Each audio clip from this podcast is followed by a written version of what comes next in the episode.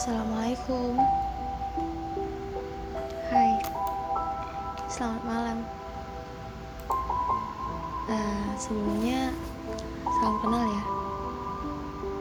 Namaku Mafazan Makdia Susah ya nyebutnya. Biar lebih deket Kalian bisa panggil aku Dia Sebelumnya, aku mau ngucapin terima kasih untuk kalian yang udah mau ngedengerin podcast ini. Dan juga uh, maaf, maaf kalau isi podcast ini gak sesuai dengan apa yang kalian mau. Tapi sebenarnya tujuan aku bikin podcast ini bukan karena pengen kalian suka. Cuma aku ngerasa butuh tempat cerita. Um, lebih tepatnya buat menghilangin sedikit beban yang ada. Aku nggak tahu ya sebenarnya apa yang mau aku ceritain di sini? Tapi sebelumnya aku pengen nanya boleh kan ada yang pernah ngerasa kehilangan? Kehilangan orang yang dicintai, orang yang disayangi, orang yang dikasihi, sahabat, pacar, atau keluarga.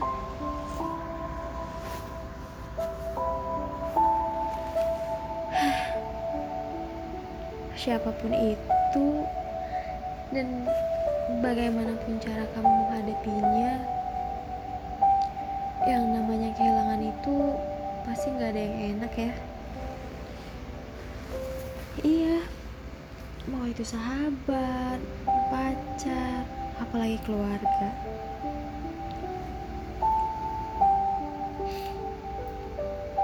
Langsung aja nih ya aku tuh mau cerita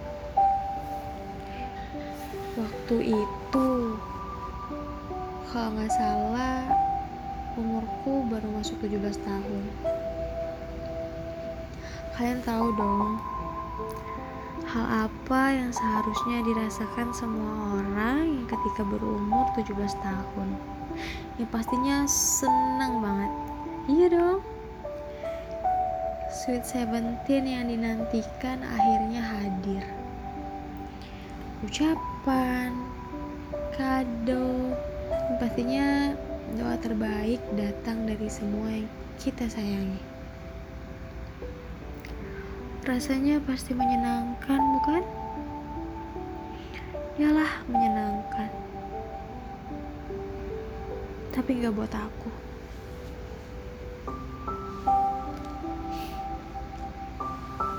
Ya, sebenarnya kayak gitu nggak harus waktu kita berumur 7 tahun aja sih. Eh 17 tahun. Tapi semua momen itu harusnya disyukuri. Tapi balik lagi aku cuma manusia biasa yang punya keinginan buat ngerasain hal yang sama kayak yang orang lain rasain. Di momen itu ada kata yang gak bisa aku lupain sampai sekarang. Mama. Mamaku bilang, maafin mama ya. Ulangan tahun kamu kali ini, mama gak bisa kasih apa-apa. Mama cuma bisa doain kamu aja. Mama yakin nanti kamu bakal jadi orang yang sukses. Mamaku bilang gitu. Kalian tau gak aku jawab apa? Aku cuma bisa senyum. senyum dengerin kata yang diucap dari wanita cantik yang kupanggil mama. Ya, aku bilang gak apa-apa. Asal mama selalu ada buat aku. Itu udah cukup.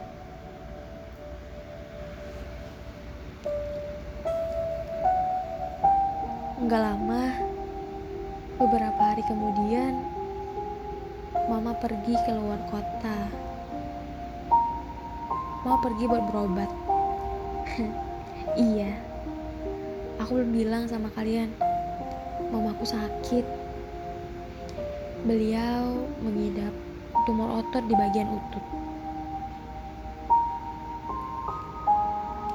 Singkat cerita, Dua bulan aku gak ketemu mama. Sesekali kami cuma ngobrol lewat telepon. Iya, cuma telepon. Karena dulu gak ada yang namanya video call. Sayang banget kan? Terus, gak lama dari itu, mama nelpon. Mama bilang, dia mau pulang. Dia bilang dia nggak mau lama-lama di sana pengen ngumpul di rumah bercanda ria sama keluarga tapi nggak bisa karena mama harus tetap menjalani pengobatan. Ya rasanya baru aja mau seneng. Nggak jadi deh. Terus tiga hari kemudian kayak gimana ya? Anehnya aku ataupun mama tuh nggak nggak saling telepon nggak saling ngabarin. Terus tiba-tiba nggak lama baba nelpon. Iya baba itu panggilan untuk ayah. Jadi waktu Baba nelpon Baba bilang Baba suruh aku sholat. Uh, kalau nggak salah itu tuh waktu asar Baba bilang doain mama aku bingung sih maksudnya apa terus kan Baba ngejelasin kalau mama tiba-tiba ngedrop dan harus dilarikan ke rumah sakit. Spontan, nafas kayak langsung sesak. Dadaku rasanya nyeri banget. Tapi aku coba buat tenang. Aku langsung wudhu, terus aku sholat. Di sujud terakhir, nggak lupa aku berdoa buat kesembuhan mama terus kemudian di atahiyat terakhir aku dengar tangisan pecah dari adik sama kakakku di situ aku langsung ngeblank. Bacaan sholatku mulai keliru. Sampai akhirnya buru-buru aku tutup dengan salam. Terus aku langsung lari ke arah tangisan itu.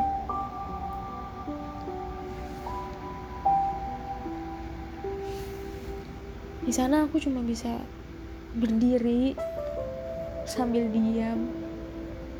Aku nggak tahu aku harus ngomong apa dan nggak tahu juga harus bersikap gimana.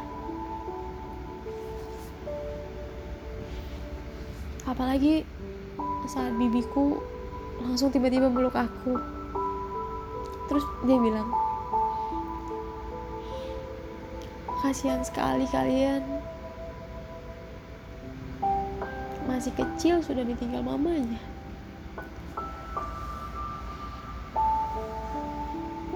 Nggak dengar itu, tangisku pecah. Di situ aku rasanya kalut banget. Dunia rasanya berhenti berputar. Pandanganku buram tertutup air mata. Kepalaku pusing sekali. Semua nampaknya gelap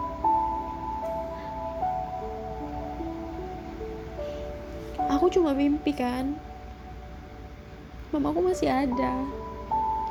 Kenapa bibiku bilang begitu? Apa maksudnya?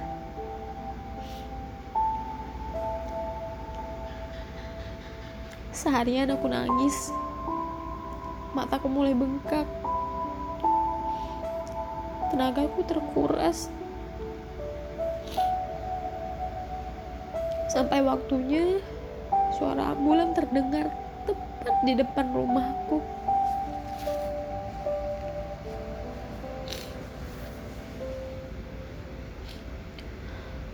aku lihat uh, sosok baba turun dari ambulan itu dengan tubuh yang lesu dan terlihat sangat lelah sekali. Aku berlari memeluknya sambil menangis. Nggak percaya, nggak percaya dengan apa yang ada. Dengan apa yang ada di depan mata.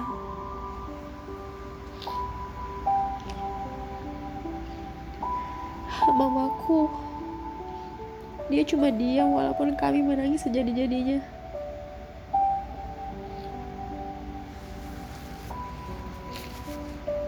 Satu lagi yang bikin nafasku makin sesak. Adikku. Dia menangis antara bingung dan sedih.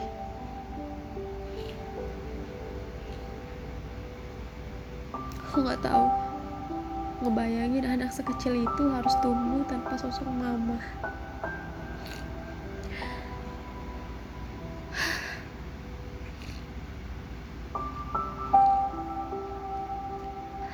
Aku nggak sanggup. Sorry. Aku nggak sanggup melanjutin podcast ini. Mungkin udah seharusnya aku gini tapi aku nggak tahu aku harus gimana. Rasanya sakit banget kalau diinget-inget lagi. Tapi hidup harus terus jalan walau tanpa sosok mama di samping namun senyum mama terus ngedampingin. Sedikit pesan. Buat kalian yang masih memiliki sosok yang kalian sebut mama.